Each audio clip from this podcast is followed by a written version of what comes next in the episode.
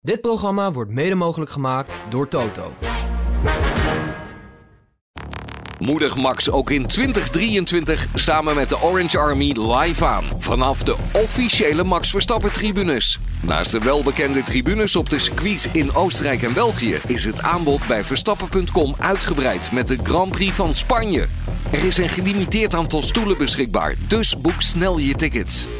Verstappen.com is het enige en officiële verkoopkanaal van tickets voor de Max Verstappen tribunes. In deze aflevering van Formule 1 aan tafel.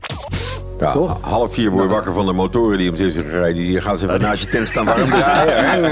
Ja, dat is de hele nacht al. En bij de truck zijn ze nog aan het sleutelen. Je slaapt dus de hele nacht in een omgeving met eh, Aan een herrie. eh, generatoren, Akropovic. lassen, rammen, dingen, motor, Ja. dat soort dingen. Dit en nog veel meer in het komende half uur. Hallo iedereen, eh, Max Verstappen hier, wereldkampioen Formule 1 en je luistert naar Grand Prix Radio. Het Formule 1 seizoen zit erop en dan richten veel racefans het vizier op de start van de Dakar Rally met een proloog op 31 december aanstaande. De rally duurt dan tot en met 15 januari 2023. Het wordt de vierde keer dat deze rally in Saoedi-Arabië wordt verreden en het belooft de zwaarste editie ooit te worden. Meer kilometers, meer duinen. De totale afstand die wordt verreden is meer dan 5000 kilometer. Dat houdt in dat er gemiddeld 450 kilometer per dag wordt afgelegd. Welkom bij de special Zo werkt de Dakar Rally. Naar aanleiding van het verschijnen van het gelijknamige boek. Ik ben Mattie Valk en dit is Formule 1 aan tafel. Hij wil niet flexen geven en Hamilton rijdt tegenaan. Sukkel! Ze staan helemaal vast. Yo hey, yo ho! De koning van Zandvoort heet Max Verstappen. De Formule 1 podcast. Formule 1 aan tafel. En een special vraagt om speciale gasten bij ons vandaag. Hans-Peter Veldhoven. Hij is eh, beroepsfotograaf. Schreef onder andere met eh, Olaf Mol en Jack Ploy het boek Lisboa Dakar. Maar ook geen onbekende in de popindustrie. Eh, Hans-Peter, welkom. Dankjewel. Ga je dit jaar weer mee naar Saudi-Arabië? Nee. Prima. Nee. Wah, wah, Helaas. Dan bij ons. Hij ehm, is redacteur, fotograaf. Fotografeert sinds 2005 in de Dakar Rally. En is eh, oprichter van het online platform Rally Maniacs. Marcel van mij. Marcel, ook hartelijk welkom. Dankjewel. Jij werkt voor eh, meerdere teams tijdens eh, de rallies als fotograaf. Meerdere teams, snijdt dat niet een beetje? Nou ja, meerdere teams, dat is het businessmodel, zeg maar. Het, ehm, wij, wij verdienen ons geld door eh, onze diensten aan te bieden aan, aan de Nederlandse teams eh, en ook wat buitenlandse teams. Precies. Ja, dus helemaal niks geks aan. Nee, dat is de enige manier om, eh, ja, om je brood te verdienen in de rally dan, zeg maar. Helder. Dan bij ons Formule 1 commentator van Grand Prix Radio en mede-auteur van het boek Zo werkt de Dakar Rally. Hij reed de Dakar meerdere keren mee als verslaggever in Afrika en Zuid-Amerika. Nou, Olaf Mol. Ja. Olaf, welkom. Is dit een eh, logisch gevolg van je boek eh, Zo werkt de Formule 1? Ja, ik denk het wel. Ik denk dat we eh, uiteindelijk gemerkt hebben dat er volgens mij nog nooit echt een heel groot naslagwerk over de werking van de Dakar geweest is. Er zijn natuurlijk heel veel mensen geweest die naar aanleiding van de rally een eigen boek of een, hun eigen belevenissen gedaan hebben. Ja. En wij merken natuurlijk ook met Zo werkt de Formule 1, er zijn natuurlijk heel veel kids tegenwoordig. Je kunt alles wel op Wikipedia vinden, maar ze vinden het leuk om boekbesprekingen en om op school gewoon die spreekbeurten te houden. En daar werken dit soort dingen ook voor. Plus, gaan we het zo natuurlijk over hebben, geweldige foto's. Al zeg ik het zelf, dat is echt niet normaal. We gaan beginnen. Ja, de racefans maken zich dus eh, op voor een van de grootste sportevenementen van het jaar. Waar ook in eh, 2023 re- weer ruim 100 deelnemers uit Nederland en België aan zullen deelnemen. Het is eh, de zwaarste rally ter wereld voor motoren, auto's, vrachtwagens, quads. Wordt sinds eh, 1979 jaarlijks gehouden in de maand januari. Eh, ja, en deze special gaat dus over zo werkt de Dakar Rally en de totstandkoming ervan. Als je nou denkt, ja, de Dakar, ik zie wel eens beelden voorbij komen. Ik hoor met hoeveel passie fans erover praten. Ik heb de klok horen luiden, maar weet niet helemaal waar de klepel hangt. Dan vertegenwoordig ik jou in deze special. En misschien ben je aan het eind van deze special wel enorm fan en bestel je direct het boek. Ehm, is dit een boek voor nieuwe fans, Olaf? Ik denk het wel, want bedoel, nogmaals, de uitleg is natuurlijk ook belangrijk. hè. Je, ziet, je krijgt een inzichtje in hoe de organisatie, de ASO, heel vaak door ons gewoon ASO genoemd. En dat zijn ze ook, want ze zijn Frans, dus het zijn teringleiers. Zo, ook allemaal op tafel geflikkerd, of niet? We trappen de deur in. dat komt wel aardig, ja. Ja, precies. Dat, Ja, ja, dat- ja. dat is gewoon zo. Ja. Ehm, en, en dat, me de bek niet los. Nee, da- en dat scheelt natuurlijk dat je een beetje een overzicht ook hebt van wat, wat, wat het organisatorisch inhoudt. Want Ja. ik bedoel, je moet je voorstellen, eh, natuurlijk is het leuk dat wij wij roepen, ja, een rally we gaan naartoe. En we beginnen en we zijn daar. Maar veiligheidstechnisch is er zo verschrikkelijk veel aan de hand. Ik bedoel, ik heb jaren gedacht dat wij al maar konden rijden waar we reden. En de laatste jaren is er volgens mij een corridor. Dat je als eh, deelnemer ook gewoon...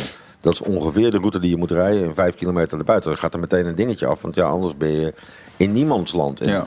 eh, er zit een heel groot eh, centrum in Parijs. Parijs, hier Jan Bierse, hier Parijs. In, Parijs, in Parijs.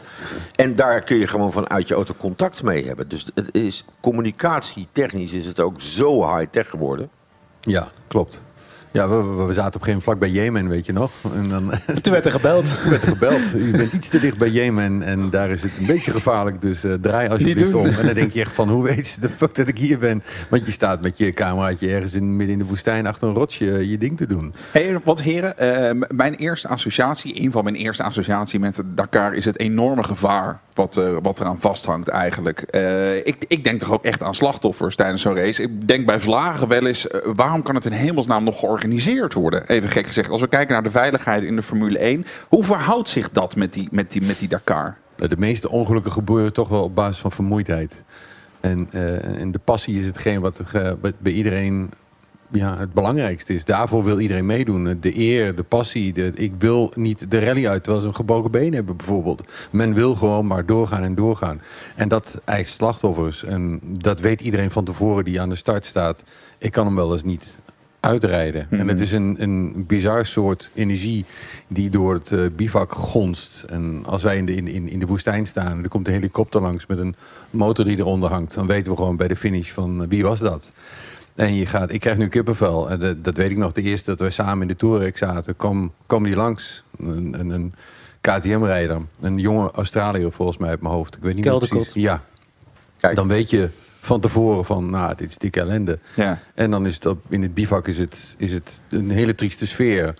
Maar men gaat allemaal door. Is, zo'n, is, dat, is dat gevaar wat eraan vasthangt, hoe een belangrijke asset is dat in eh, de magie van de Dakar? Ah, het, het, het leeft natuurlijk wel. Kijk, deelnemers zelf zijn er zich heel erg bewust van. Zeker de motorrijders. Want het zijn ja, bijna altijd de motorrijders die, eh, ja, die, die omkomen, zeg maar. Want ja, die lopen gewoon het meeste risico. En die zijn daar ook heel erg eh, zich bewust van. Ja. Het zijn vooral de mensen eromheen die er een probleem van maken. Maar ja, tuurlijk. Je wil het niet meemaken, maar ja, het gebeurt en het, het, het hoort er soort van bij. Ik een metafoortje pakken? We hebben het nu over de Dakar met heel veel deelnemers. En je, jij benoemt gevaar als, als een ding. Logisch, dat is erbij. Het is het avontuur. En er is nog zo'n avontuur op aarde. Is het beklimmen van de Mont Blanc of de Kilimanjaro. En daar gaan ook mensen in dood. Dus je op jacht naar avontuur. En als je dat weer heel groot maakt. Ik word niet te filosofisch. Maar vroeger gingen ze met een boot richting Amerika. En die er kwamen ook boten niet terug. Dat was ook een avontuur. En ik denk dat het woord avontuur de drijfveer is. Toch? Zeker weten. Ja, dat is het. Ik wil toch even, even naar het begin, heren. Want eh, ik gebruik dit ook toch een beetje als een beginnerscursus eh, voor de Dakar. Zo werkt de Dakar. Wat is eigenlijk de bedoeling? Goeie vraag. Nou, de bedoeling is eh, veel geld uitgeven, lol hebben. eh, elke, elke dag in het bivak aankomen en daar eh, weer slecht Frans voer krijgen. Want ja, Ja. Dat, eh, hè, dat zijn de Fransen. Nou, in. Argentinië waren de steeks goed. Dat, En in Argentinië waren er steeds Maar goed. even, ik sla de spelregels open van de Dakar. Wat lees ik? Ik ben een instap. Ik ben een nieuwe kijker. Waar ga ik naar kijken? Waarom Nou, je- moet ik de- kijken? In, in, in de eerste instantie is de man moto, zeg maar, zonder enige middel, gewoon met je maatje op een motor van eh, Parijs naar Dakar rijden. Dat is de moeder van de Dakar, dat Ja. is de En daar zijn auto's bij gekomen, vrachtwagens enzovoort. En het is nu een, een, groot verhaal geworden, een heel groot verhaal. Eh, die man motor, dat is nog een, hoeveel, 20% misschien minder van de hele rally? ze, ze- de laatste jaren, eh, de kistrijders krijgen steeds meer aandacht en zijn wel een beetje de helden van de rally geworden. De laatste de jaren. motor, dat zijn kistenrijders. Die, Dus die- zonder assistentie, helemaal Ja. alles zelf doen. Dat Ja. zijn eigenlijk de helden van de Dakar. en dat is de moeder van de Dakar. Ja. ja. Maar het is, het is heel erg veranderd. Hè? Als je kijkt, nou ja, de eerste Dakar 79 en nu is een compleet ander verhaal. De routes zijn veel moeilijker geworden, omdat hè, door de satelliet, eh, de, de GPS-navigatie, de satelliettracking.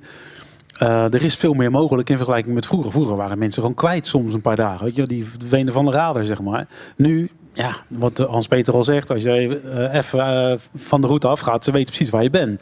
Dus de voertuigen zijn veel beter. Dus de routes worden veel zwaarder. We gaan veel meer off-piste. Dus de echte duinen in. Eh, het, tempo eh, ligt steeds hoger. Dus het niveau gaat eigenlijk ieder jaar steeds weer iets omhoog. En er zijn fabrieksteams gekomen die er vroeger niet waren. Vroeger waren het eigenlijk allemaal pioniers. Weet je. Ik heb een auto, die, die moet je maar eens zoeken op het internet. Dat is een filmpje van de man die het met een Renault 19 of zo doet. Met een, ja, gewoon een Renault soort, ja, de, de Moreau, broers. een soort twee straat, broertjes. het is gewoon een straatauto, weet je. Gewoon, eh, oké, ja, stickers erop, eh, een rolkooi erin, glas van een paar stijgerpijpen en dan gaan. Wat voor jongens doen hier aan mee? Avontuur, avontuur, avonturiers en bikkels. En een beetje gekkies toch? Als ik het zo hoor. Ja, ja. Je moet een beetje Maar gek zijn, bikkels- vrolijk gestoord, denk ik. Bikkels vind ik wel het goede woord. Want je ziet, eh, voor ons is het ook zwaar, op een andere manier. Maar je ziet die, die rijders die echt heel diep gaan eh, en, en die een complete reserves opsnoepen na een paar dagen, zie je doorgaan. En dan zie je echt dat, het, dat ze uit een ander hout gesneden zijn dan een gemiddelde andere coureur. Dit, gaat, dit vergt veel meer van je dan alleen maar goed kunnen rijden. Ja. Hier komt zoveel meer bij kijken. Nou, het leuke is, Dakar kost heel veel geld, maar je kunt het nog steeds niet kopen. Weet je, als jij, je hebt veel zakenmensen die, die denken, ah, ik ga Dakar doen. Ja. En, en die weten eigenlijk niet waar ze aan beginnen. Tegenwoordig, zeker bij de motoren, moet je je nu kwalificeren. Dan vroeger kon je gewoon, nou, ik schrijf in, ik heb een zak geld, hup, ik ga meedoen. Hoe kwalificeer je voor de Dakar? Eh, je, je hebt er nog een heel wereld. Er is, ja, behalve Dakar is een heel wereldkampioenschap cross country. Als motorrijder moet je in zo'n rally je eigen kwalificeren. Dus je moet laten zien dat jij zo'n rally kan uitrijden. Dat zijn vaak dan rallies van, van vier, vijf, zes dagen. Merzuka Rally, dat soort dingen? Merzuka Rally? of Ja, ja, de, Rally du Maroc, eh, Ja. Abu Dhabi. Er zijn, dat is een heel wereldkampioenschap. Dat verandert ieder jaar. Aan zo heeft daar ook eh, eigenlijk steeds meer eh, in te bepalen, zeg maar. Dat is wel een beetje jammer. Maar als motorrijder moet je je kwalificeren. Nou, auto's kunnen nog steeds eigenlijk... Nou ja, je moet een licentie hebben. Hè, dus eh, je moet wel iets kunnen.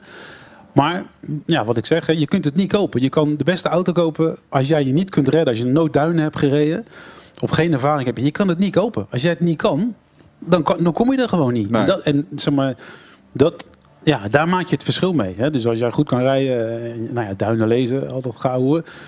Daar maak je het verschil mee. Weet je? En- en maar ja, dan zeg je iets. lezen. Nee, maar dan zegt hij iets heel moois, duinen lezen. Ik weet nog goed dat ik de eerste keer in een Mercedes G zat, achterin, eh, als fotograaf, coureur en navigator voor mij. En eh, die- hij had zoiets van zes pookjes en ik was compleet groen voor de Dakar Rally. En ik zie een bult voor mij ontstaan van een flatgebouw. En die man die, die heeft een checkie in zijn mond en die rijdt gewoon omhoog. En naast mij eh, gaat het, het, het- hoe heet het team van Bobby Gordon. Die komen allemaal vast te zitten. En hij tam, tadam, tadam, wandelt zo naar boven en we staan bovenop. En ik heb sindsdien zoveel respect gekregen voor de echte woestijnratten. Die precies weten hoe je dat zand moet lezen en waar de punten zitten waar je gas mag geven en waar niet, waar je vast komt te zitten. Dus het heeft heel erg te maken met mindset, bikkel zijn en een bepaald DNA hebben dat je ja, tegen niet slapen kan en slecht eten. En, eh, Doordouwen, blijven. Ja. Weet je, je- Ja. er zijn dagen, en dat is wel aan het veranderen de en laatste beheerst blijven. Ja. De, de dagen. eh, We reden, nu, nu is eigenlijk in Saudi-Arabië de laatste jaren zijn Dakars gewoon niet zwaar genoeg. Hè. Mensen zijn om 10 uur, 11 uur zijn de meeste eigenlijk wel binnen. Nou, weet je, ik, ik weet nog van Zuid-Amerika en van Afrika dat de mensen s ochtends 5, 6 uur binnenkwamen. Tegenwoordig zeggen ze gewoon, joh, eh, eh, tot zo laat mag je rijden. Daarna ga je over de weg. Je kan ook niet meer echt uitvallen. Hè. Je, je krijgt wel een hoop straftijd. Vroeger was het gewoon, je gaat nou, vroeger, een paar jaar, geleden, tot twee jaar terug. Je valt uit, ja, doei, we gaan naar huis. En de bivak wordt eigenlijk steeds kleiner. In Afrika, hè, de- in Zuid-Amerika moest je eigenlijk de rally blijven volgen. Want je ging hè, van, van Buenos Aires naar Peru. Ja, dan moet je eigenlijk met die karavaan mee. Dus allerlei mensen blijven maar meereizen met die karavaan. In die, in die Afrikaanse dakkers werd het bivak werd steeds kleiner. Dat Ja. groepje werd eigenlijk steeds selecter. Van, oké, ben je uitgevallen? Move met die handel. Ja, Ik hoor een beetje aan jou dat je het een beetje te comfortabel vindt geworden eigenlijk Ja. door de jaren heen. nou, ja, nou ja, voor ons niet, maar... eh, Ik, voor, de, voor de pers is het echt een, eh, een, eh, een drie, drie uur slaap op een nacht is heel normaal. Dat, eh, en dan, je moet je voorstellen, hoe, zoals ik het uitprobeer te leggen aan mensen. Je rijdt iedere dag Parijs op en neer. En je moet nog werken, en je moet nog eten, en je moet nog slapen. Hoe is dat voor jullie eigenlijk? Want eh, de, de- als fotograaf, hoe zorg je, hoe, hoe- hoe, hoe werkt dat? Heel gedisciplineerd. Heel gedisciplineerd. Je moet echt een, eh, goed voor je spullen zorgen, want dat is je gereedschap. Maar Dus hoe je- ziet zo'n dag eruit? Je wordt wakker en dan? Vier uur gaat de wekker. En Dan, ja. Ja, Toch? half vier word je wakker van de motoren die om zes uur rijden. Die gaan ze even naast je tent staan warm draaien. Ja, dat is de hele nacht al. En Je bij de slaapt- truck zijn ze nog aan het sleutelen. Je slaapt dus de hele nacht in een omgeving met eh, herrie. eh, generatoren, Akropovic. lassen, rammen, dingen, motor, en Ja. dat soort dingen. Het, het gaat 24 uur per dag door. Zeg maar. Je, de eerste motor rijdt om 6 uur weg. De laatste truck gaat inmiddels om 2 uur pas rijden. Hè. Dus wij hadden voor, hè, wij, en wij hebben klanten in alle categorieën. Wij gaan eigenlijk als eerste weg. Je krijgt, s'avonds krijg je, tegenwoordig gaat het allemaal via de WhatsApp. Oké, eh, dit zijn de fotopuntjes van morgen. Je krijgt een paar punten toegewezen waar je als pers naartoe kan. Dan ga je je plan maken. Oké, we willen nog een klein beetje, want wij doen ook veel persberichten maken. Wij kunnen niet te laat in bivak zijn. Nou, we hadden afgelopen jaar twee auto's. Hans Peter ging dan vaak wat verder weg. Ja. Wij gaan een beetje aan het begin van de start staan. Die hele startprocedure duurt al een uur of acht. Maar zodra je 200 kilometer, 3 kilometer in de proef zit, zit er nog eens, weet ik veel, twee, drie uur tussen. Die, eh, alle tien jaar, die zie je niet meer. En, de, en die anderen, die rijden, eh, nou ja, een, een, pak- Maar, een uur. Hoe zorg je ervoor dat jullie op de juiste plek staan? Nee, je, je spreekt van tevoren, de avond van tevoren spreek je de, de punten af. Je hebt een aantal foto's van de ASO die je krijgt van waar je een beetje op een klein printscreentje moet eh, bepalen waar gaan we staan. De ervaring van we gaan het opzoeken op de, via de satelliet van waar zullen we gaan staan. Nou, je wil mooie beelden hebben, dus je wil bergen, zand, weet ik veel wat allemaal, gevaar, eh, dat soort dingen. Eh, en het leuke is, dan denk je de mooiste plek ter wereld hebben gevonden en dan vijf minuten later een man met een mobilet naast je. Dat je denkt van hoe komt die hier? hoe is dat in godsnaam mogelijk? En dat soort dingen hebben we overigens heel vaak meegemaakt. In Mauritanië ook. Dat je uitstapt om te pissen. En in, dat je denkt, van, er is niemand. En twee minuten later staat er iemand naast je. En je schrikt je helemaal de pleuris. Want wij zijn niet ingericht qua onze visie op die... Maar dat is een zijspoor. Maar eh, nee, s ochtends half vier, vier uur ontbijten. de auto in 200, 300 kilometer rijden. En dan ga je off-piste. Echt serieus. Gordels goed strak aan. Dan ga je de, de, de track ga je op, de piste. En je bepaalt je punt. En dan ga je daar staan. Je gear om je nek. En eh, ik had dit jaar wel een hele goede chauffeur met koffie en soep en alles. Oh, die lekker. stond daar eh, lekker met zijn autootje. in- Ja, dat is wel fijn. ja, koek en soapie erbij. Maar eh, dan is het de hele dag die teams fotograferen in alle actie. En met geluk pak je ook nog wat hele dikke acties. en, en Ja. op die manier maak je een verslag. En als je klaar terug. bent, dan begint het. Dan moet je je Ja. snelste route naar het bivak zien Ja, te en vinden. in de auto al editen, hè? dus in Ja. de auto al proberen foto's binnen te halen. Terwijl je zo, en dan komen we in en het bivak en dan, gaan, nou ja, dan ga ik mijn interviews ophalen. We, gaan, we maken ook video's tegenwoordig voor teams. Dus ja, je, je, bent gewoon eigenlijk 20 uur per dag bezig. Ja. Het is voor ons ook echt een rally. En ik ben nou, de laatste dag, eh, de finish is echt een hel. Want dan sta je uren te wachten en dan ben ik er ook echt helemaal klaar mee. En dan denk ik, nou, het is goed zo. En dan wordt het weer maart en dan denk je, nou, ja... Ja. Weet je? Ja, daar kan ik, ja, misschien nog wel een keer. Weet je wel.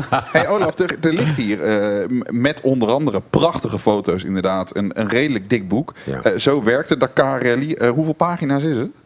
Te, te veel zeggen we altijd, want de, de, de uitgever moet altijd... Ik denk dat we op 192 zitten of zo. Ja, oké. Ehm, maar als ik het zo hoor, is het ook vrij eenvoudig eigenlijk, de Dakar Rally. Als je 192 pagina's vol kan schrijven met hoe het werkt, eh, kan het op één A4'tje, zou ik bijna, zou ik bijna willen zeggen. Nee. Zijn er dingen die, die complex zijn aan de Dakar, is eigenlijk mijn vraag. Zijn er dingen die voor nieuwe kijkers moeilijk zijn om te begrijpen? Eh, ik denk sowieso eh, de timing. Kijk, wij leven, wij leven in een wereld dat je niet 20 kilometer vooruit kan kijken. Je komt op plekken. eh, in Afrika kan ik me herinneren dat we richting Atar, Atar gingen. Dat je ergens rijdt en dat je gewoon. Ja, je, je ziet een hemel alleen maar uitge- uitgestrekte vlakte. Je Uitgestrekt hoe- niks. hoe- gewoon niks. Wat zie je verder? Ja, niks. Ni- niet één boom, niet één bult, niet één. En dan wordt de wereld heel raar. Ik kan me nog herinneren dat wij achter elkaar aanreden. In, eh, en dan kom je in een, op een zoutvlakte terecht, op een zoutmeer. Noord-Mauritanië. Ja. Precies. En dan denk je na 10 minuten, omdat het helemaal wit uitgeslagen is, dat je op ijs rijdt. Dat gebeurt in je hoofd. Hè? Je weet dat het niet zo is, maar dat gebeurt in je hoofd.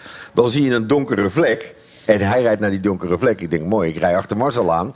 En die donkere vlek is eh stroopwafelstroop. Oeh, zak je bijna. Een soort modder. Ja. Een soort bagger waar je gewoon bijna niet uitkomt. Dat je, dus het is ook allemaal, het zijn die indrukken en dat soort dingen. En het allermoeilijkste van de Dakar, denk ik, als ik het neem, geen fouten maken. Op geen enkel moment. En dat wil zeggen on the track, op weg naar de track, richting het bivak. Want je komt natuurlijk ook in dorpjes terecht waar mensen denken van, wat, wat komt er hier nu aanrijden? Die hebben, nog Ja. nooit, die hebben nog nooit een andere auto gezien, een andere kleur dan wit. Of een paard en wagen. het is echt leven. Nee, maar het is echt dat je... Er gebeuren ook best nog wel wat on-the-road ongelukken. Hè? Omdat, ja, Juist. het is altijd op, op, op je maximale eh, waakzaamheid zijn. Ik denk Ja. dat, dat dat het een beetje is. Ja. Als ik dan, ik trek toch een beetje de vergelijking. We zitten in een special van eh, F1 aan tafel. Heeft het eigenlijk wel overeenkomsten? Behalve race. Niet hè? Met de Formule Nou 1. ja, één, één, één foutje kan... bedoel, Oké, ja, ja. één foutje Ja, dit- en het is klaar. Ja. De, de, de, de spanningsboog is veel hoger en langer. En het, het houdt nooit op als je klaar bent. Kijk, tegenwoordig hebben rijders een, een, een, een luxe eh, hoe heet het, camper bij zich met een douche en weet ik wat allemaal. Maar even terug naar de basis, naar de manmotoren kistenrijders, waar het allemaal niet is. Dan is die spanningsboog die zij moeten hebben om die motor daarna weer in orde te krijgen. Te moeten eten. Heel gedisciplineerd. Alles, alles, alles moet gewoon goed gebeuren. Als je Ja. ook verkeerd eet bijvoorbeeld, dan gaat je energie naar de kloot, bij wijze van spreken. Je moet, dat, dat slaapje moet je hebben, al is het maar een paar uur. Ik weet nog goed dat wij in Argentinië, een, een, heb ik een nacht van drie kwartier gehad. En Want we moesten daarna door. We moesten door. En, want het zijn Mart Smeets toch? De Tour wacht voor, op niemand. Nee, de Dakar ook niet. Nee, dus de, de Dakar hè? ook. Dakar gaat gewoon Ja. Vol door. En als jij ook maar enigszins een hapering hebt, jammer. Waar was dat? Dat wij in, eh, ik dacht dat, het van, dat we naar Atar reden.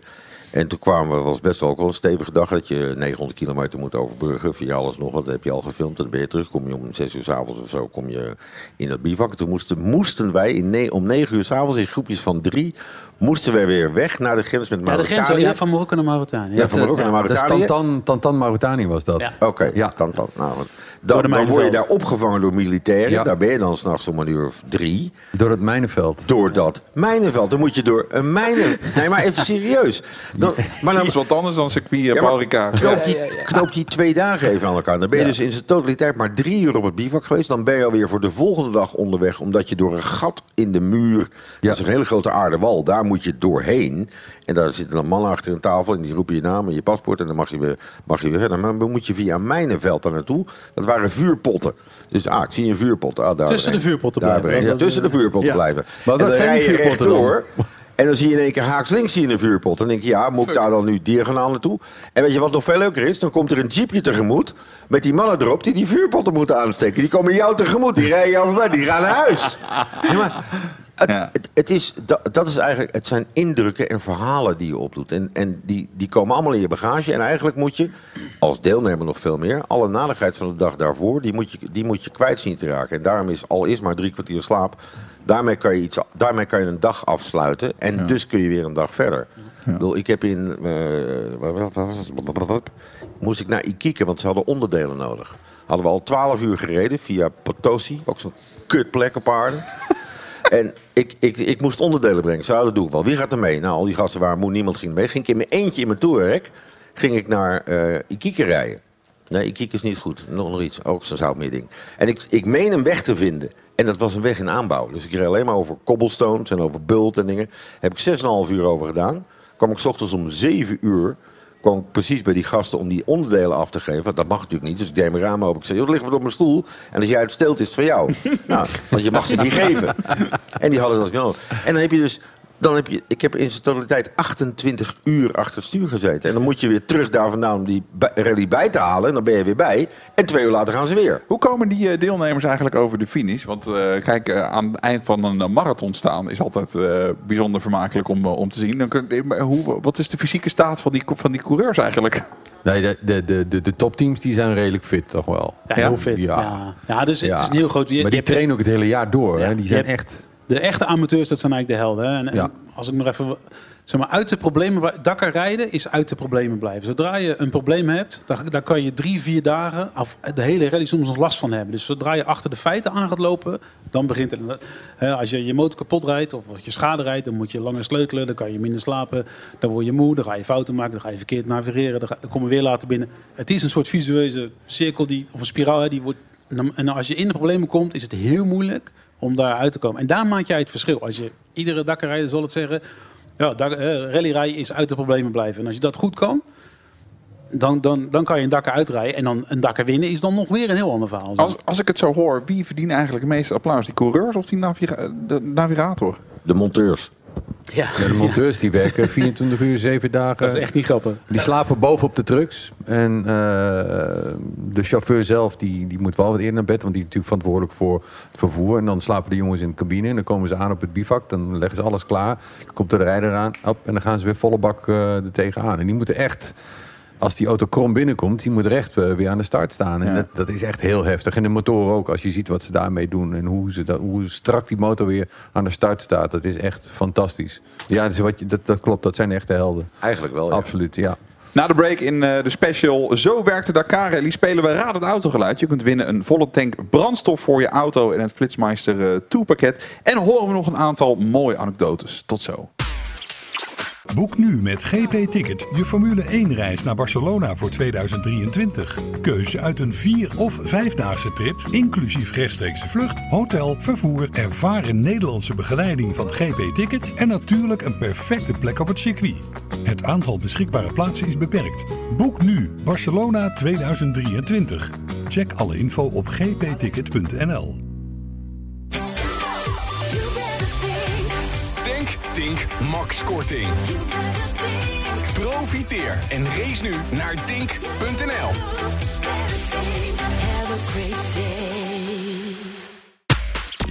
Je luistert naar een special van F1 aan tafel ter gelegenheid van het eh, nieuwe boek Zo werkte Dakar Rally. Onder andere geschreven door eh, Olaf Mol. Heren, wat, wat win je eigenlijk als je de Dakar eh, op je naam zet? Eeuwige roem. Ja, dat vooral. Ja. Voor het geld hoef, hoef je het niet te doen. Nee? Nee.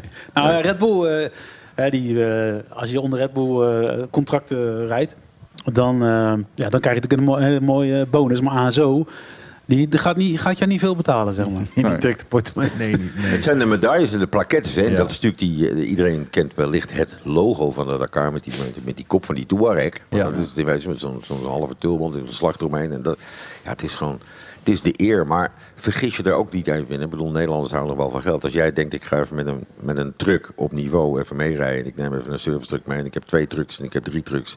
En ik ga met 55 man de Dakar doen. Dan ben je echt wel even een patiënten kwijt hoor. Want Waar, waar moet ik aan denken? ik denk in, inschrijfgeld volgens mij al een tonnetje of vier, denk ik, voor al die mensen. Ja, ongeveer zeg maar, even 15.000 euro de man inschrijfgeld. Zeg maar. Monteur is iets minder, maar in de race is het van 15.000 En euro. over hoeveel teams hebben we het? Hoeveel mensen? Nou ja, Hoeveel? ja, je hebt, 100 de motoren zijn nu eh, begrensd tot zeg maar, het maximaal aantal is 100. Nou, je hebt eh 60, 70 SSV's of meer nog, 80, 90. Een stuk of 87 auto's en denk zo'n 40 race trucks. En dan krijgen we aan het eind van de rit, moet ik het doen met een medaille? Ja. Ja. Ja, maar Ja. eh, Waar, niet, waar blijft al die poen? Ja, dat zeggen wij ook altijd. Dat, want hij moet ook heel veel betalen. Ja, maar het is een onwijze logistieke happening. Het is gewoon een klein dorpje. Het is 2.500, 3.000 man. Die iedere dag, het eten is echt goed geregeld. Het- Ik bedoel, je drukt op een knop en, eh, en er komt een helikopter. Het is, het is een, echt een logistieke happening. eh, zeker op, op zo'n afstand. Hè, want zo'n bivak wordt opgebouwd. Het volgende bivak staat alweer klaar. Hè. Het is echt een logistieke En ook die happening. vliegtuigen die, eh, die alles vervoeren. Die man Moto, die, eh, die in, in Afrika nog die Antonovs. Ja. Met die Russische piloten. Die, eh, dat was echt wel romantisch die- hoe dat daar eraan toe ging. Er waren al Afghanistan-piloten. Het is eigenlijk een soort sadomasochistische autosport, hè? Ja. Want dat is het, hè? Je bent jezelf alleen maar aan, Ja. aan het Slopen. afnachelen. En omdat je weet dat er een datum aan zit... en dan ben ik eerlijk, de Afrikaanse die wij deden waren... 21 dagen, 23 dagen. Dus wat ze tegenwoordig doen met 15 dagen. eh, Zuid-Amerika geworden. Volkswagen wilde dat we naar Zuid-Amerika gingen. Want dat was Iedereen heeft heimwee nog naar Afrika. Ja, Afrika is het Ja. mooiste. Echt maar ook serieus. als je, bedoel, Waar, en waar, hoe komt dat? De nostalgie, de, Ja, afwisseling van, eh, van het landschap, Ja. eh, de, de landen. Je ging door verschillende landen, je zag verschillende mensen, zeg maar. Je ging van eh, in verschillende landen starten, maar je kwam door Mar- Marokko, Mauritanië, Guinea, Senegal, Ging je van, eh, wat was het, van Mauritanië naar Senegal of naar Mali? Mali. Naar Mali. Mali. Mauritanië is, is aan zich een mooi land, maar het is de grootste vuilnisbelt van de wereld. Mensen als er mensen zijn, dan is het één grote bende. Ja, en niet normaal. daarvoor en, dan ga je, en dan ga je de grens over. En dan rijden op brommetjes. Iedereen kleurrijk. Is het goed? Dat is gewoon een verschil van 15 kilometer. Ja. Waarom, waarom is het niet meer daar? Eh, Door de terreurdreiging. Ja. Ja, maar Mali, twee- we hebben in ja. Mali nog eh, met een tentje buiten geslapen. Nou, dan moet je nou een uurtje doen dan. eh, Het, het is een beetje tweedelig. ehm, er was toen eh, in 2006 eh, eh, of 2008 werd Dakar geannuleerd vanwege terroristische dreiging. Het is- Het is een bullshit verhaal, maar dat is een heel ander, ander ding. Maar het zat qua routes een beetje op een dood spoor. eh, Omdat je natuurlijk, we konden niet meer naar Algerije, we konden niet meer naar Niger. Dus we hebben vijf jaar achter elkaar eh, Marokko, Mauritanië, Mali, Senegal gedaan. Nou, op een gegeven moment ben je een beetje door die routes heen.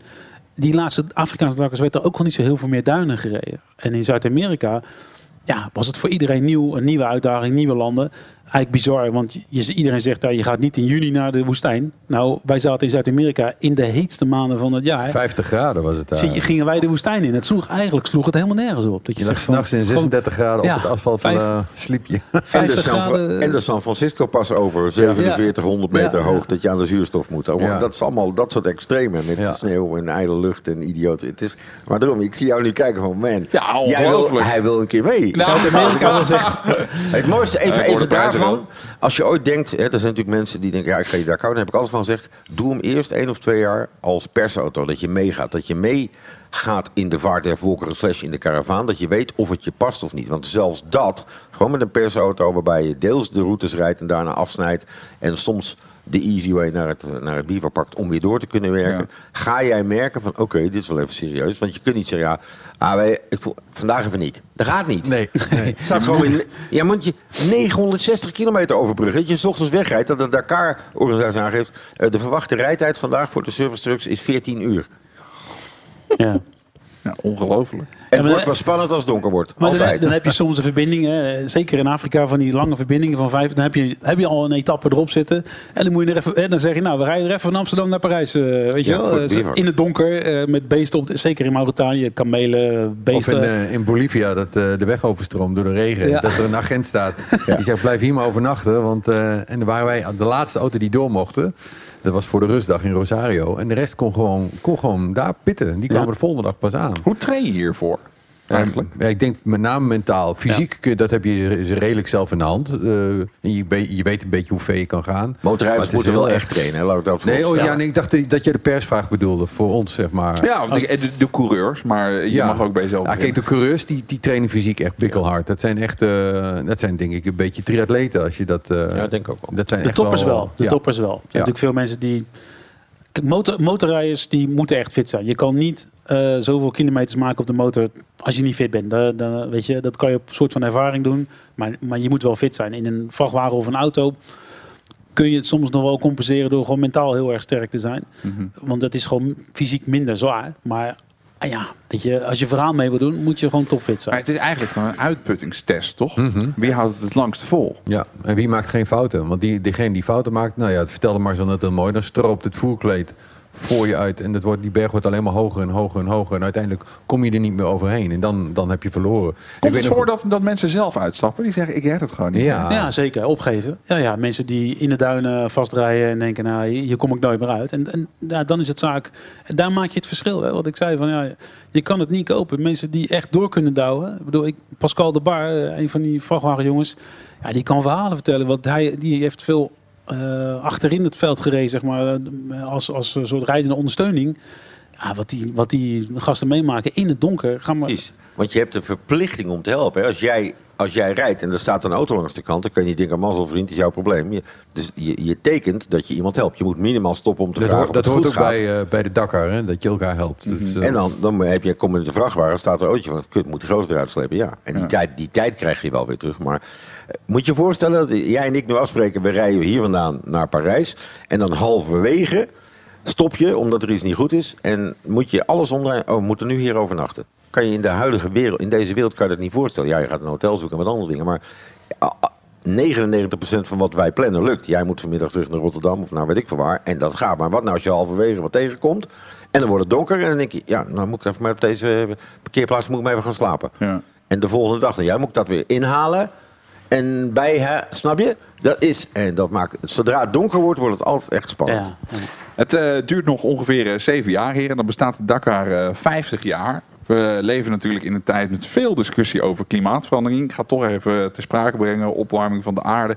Ehm, de, over zeven jaar bestaat de Dakar dan nog in zijn huidige vorm, denken jullie? ze, willen, ze willen groen gaan worden. Ja, het- de- ze hebben zichzelf opgelegd 2030 moet Dakar neutraal zijn. En dat gaat heel moeilijk worden. Maar ze Ja. zijn er volop mee bezig. Ja, Audi is nu dan met een hybride auto eh, bezig, zeg maar. Ja. Maar de- ze hebben afgelopen jaar eh, een truc op waterstof. eh, die die deed, deed af en toe een demonstratie, zeg maar. Hè, dus ze zijn er echt wel mee bezig. Ja, Ja, lopen, die- jullie, lopen jullie daar warm voor? Ja hoor. nou ja, het Ja, mooie is, het die, moet die- wel. ik sta in zo'n duinpan en eh, er staat in één keer een Audi naast je. Want die hoor je niet aankomen. Je hoort alleen maar... En dat is natuurlijk een, maar het geweld waarmee hij die duinen neemt, is wel weer heel indrukwekkend. Heel indrukwekkend. Dus je wordt wel weer getrakteerd op het gevoel. Kijk, eh, een, een, een flinke achtcilinder of wat dan ook die aankomt knallen, die Toyota's, die hoor je van heine en ver. En dan ga ik, hoe het komt eraan. Maar het sneaky wespengeluid van die Audi's die dan nog harder gaan, dat heeft toch wel weer je merkt dat je in je beleving die transitie zelf ook doormaakt. Dat je daar wel weer je, je genoegdoening uit haalt. En als je die jongens een duin op ziet knallen... en dan bovenop met vier wielen van de grond ziet vliegen... dan denk je van, dit gaat heel hard. Het visuele aspect van een offroad rally elektrisch ehm, eh, doet weinig af aan wat je ziet. En in een autorace, als je niks hoort en je ziet dan, is dat toch anders op een circuit. Dus ik denk dat, Ja. dat dit nog makkelijker te vergroenen is dan de 24 uur van Le Mans. Waar je dan ineens een heel 24 uur lang niks meer hoort omdat eh, mensen rijden. Dus ik, ik, dat gaat de goede kant op. Er zijn natuurlijk al Nederlandse teams die een eh, hybride truck hebben. Toch?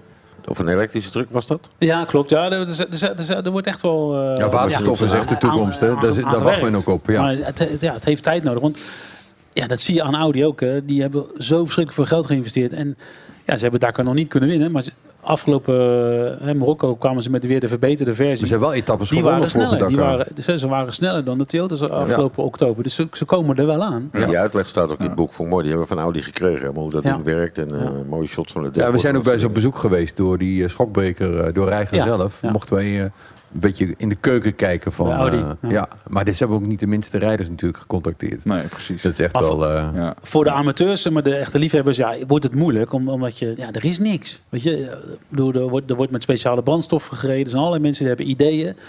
Maar je moet het testen, testen, testen. Juist. En daar is vaak de tijd en het geld niet voor. Dat is wel een uitdaging.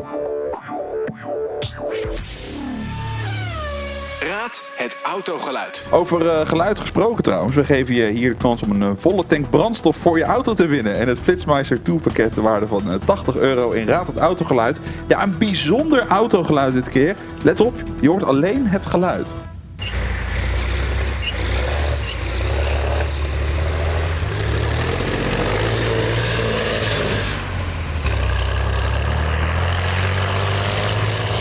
Weet je van welke auto je zojuist het geluid hoorde? Stuur je antwoord naar F1 aan tafel at grandprixradio.nl. De winnaar van vorige week vind je op datzelfde adres grandprixradio.nl. Kijk even op de site. We wensen je veel rijplezier met je gratis volle tank brandstof voor je auto bij Tink. En dus het Flitsmeister 2 pakket ter waarde van eh, 80 euro. Ja, heren, de gelegenheid eh, waarom we hier zijn, dat is natuurlijk het verschijnen van het boek Zo werkt de Dakar Rally. Ligt eh, nu in de winkel. Nou, dus met eh, kerst in aantocht en de start van de Dakar op 31 december. Natuurlijk een lekker cadeau voor iedere raceliefhebber. Olaf, wat denk jij, waar gaan de mensen het meest plezier aan beleven in dit boek? Welke hoofdstuk, welke foto, waarvan denk je nou, dit mag Nou, niet ik, missen? nee, ik, hoop het, ik hoop het geheel. Hè. De informatie, de staatjes die erin staan. Het is in dat opzicht ook weer een compleet naslagwerk. En wat ik er denk ik leuk aan vind, is je kunt volgens mij dit boek je zeggen, ik ga het nu lezen. En dan ga je er doorheen. En dan een tijdje later kun je een keer het boek, ik ga het nu kijken. En dan ga je naar die foto's. En als de Dakar bezig is, je hoort en je ziet beelden van mensen die vermoeid zijn, die zijn hier ook weer in te vinden. En je ziet een enorme schuiver. Van, er zitten foto's in van mensen die gewoon 15 meter boven de grond vliegen, waarvan je denkt, ja. En waar zijn ze terechtgekomen? Nou ja, daar, daar dus, weet je. Dus het, is, het, is, het is denk ik, hoop ik, en dat zal niet zo snel, maar het is wel het complete plaatje wat dat betreft. Eh, jij kreeg zojuist eh, kippenvel op je armen van, eh, van een ane- anekdote. Heb jij ook zo'n zo'n anekdote, Marcel, je Ja, denkt, ah, dit is... Dit is... Ja, heb je nog een paar dagen? Ik bedoel, Ja, maar doe er even eentje, even, even ja, kort. om- ja, ik zat altijd, altijd te denken. eh, Ja, er zijn zo verschrikkelijk veel verhalen. Weet je? Dat, dat is best moeilijk om er één uit te pikken. Ik bedoel, je- we hebben, we hebben nou ja, van dodelijke ongelukken tot. tot ja, weet je, wat, wat ik altijd mooi vind, het blijft een kick hè, om, om eh, die, die mooie plaatjes te kunnen maken. Je, je staat op een plek en je denkt, oké, hier gaat het gebeuren. En dan komen die eerste en die, die gaan onwijs springen. Dat, dat blijft een kick. Je bent de hele dag, je, gaat- ja, s'ochtends om vier uur op, je bent aan het rijden. Je denkt, oké, waar komen we nu weer terecht? En dat blijft een kick om die, om die dikke platen te kunnen maken. En, Ja. en die verhalen, gewoon ouwehoeren met mensen en, en die verhalen horen. Dat, dat, weet je, ja, ik kan zo niet even een anekdote eruit pikken, want er zijn er zo verschrikkelijk veel. Ik ga toch eens wat actiever volgen, heren. Het mooiste van HP weet ik nog, dat hij met ons, eh, met, Jack en mij meeging in die gloednieuwe Touareg. Moet je je voorstellen, dus dat HP moest achterin. Er zit een rolkooien met ook achter de rug van Jack en mij die voorin zaten. Toen moesten we die headsets op en HP die zat daar in het midden achterin. Dus die auto had maar drie stoelen, maar hij zat in het midden. Eén been rechts, één been links. Zijn grote been lag eh, links voorover. En HP zegt tegen ons, terwijl we rijden op die headset... Ik, het is net alsof ik... Ja, het is, eh, ik kreeg gewoon live Dakar-verslag met Jack en Olaf. Hij zat En daarachter. ik, en ik had er gewoon een 50-inch scherm voor me. En ik, ik, ik, realiseer, ik weet nog waar we reden. We reden in Mauritanië en we reden de duin in. Het is trouwens de dag dat wij de ophanging kapot reden. Ja. En ik zit daar en ik realiseer me en denk ik hoor zo... oh, want we die dag moesten we ook helm en, en alles op. Dus we zaten helemaal... Het was niet overal verplicht, maar die, die etappe wel.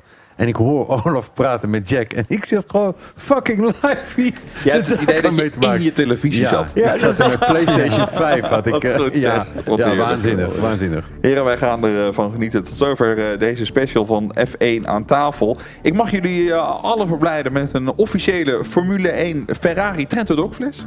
Veel plezier eh, daarmee.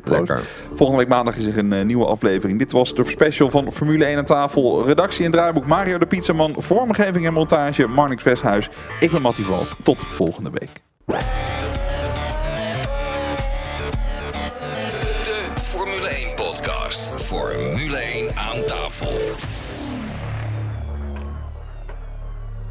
Let op. Alle gebruik van hetgeen in deze podcast F1 aan tafel wordt opgemerkt is ongeoorloofd. Zonder expliciete schriftelijke toestemming te zaken verkregen van Grand Prix Radio. Met inachtneming van een duidelijke, deugdelijke bronvermelding met link.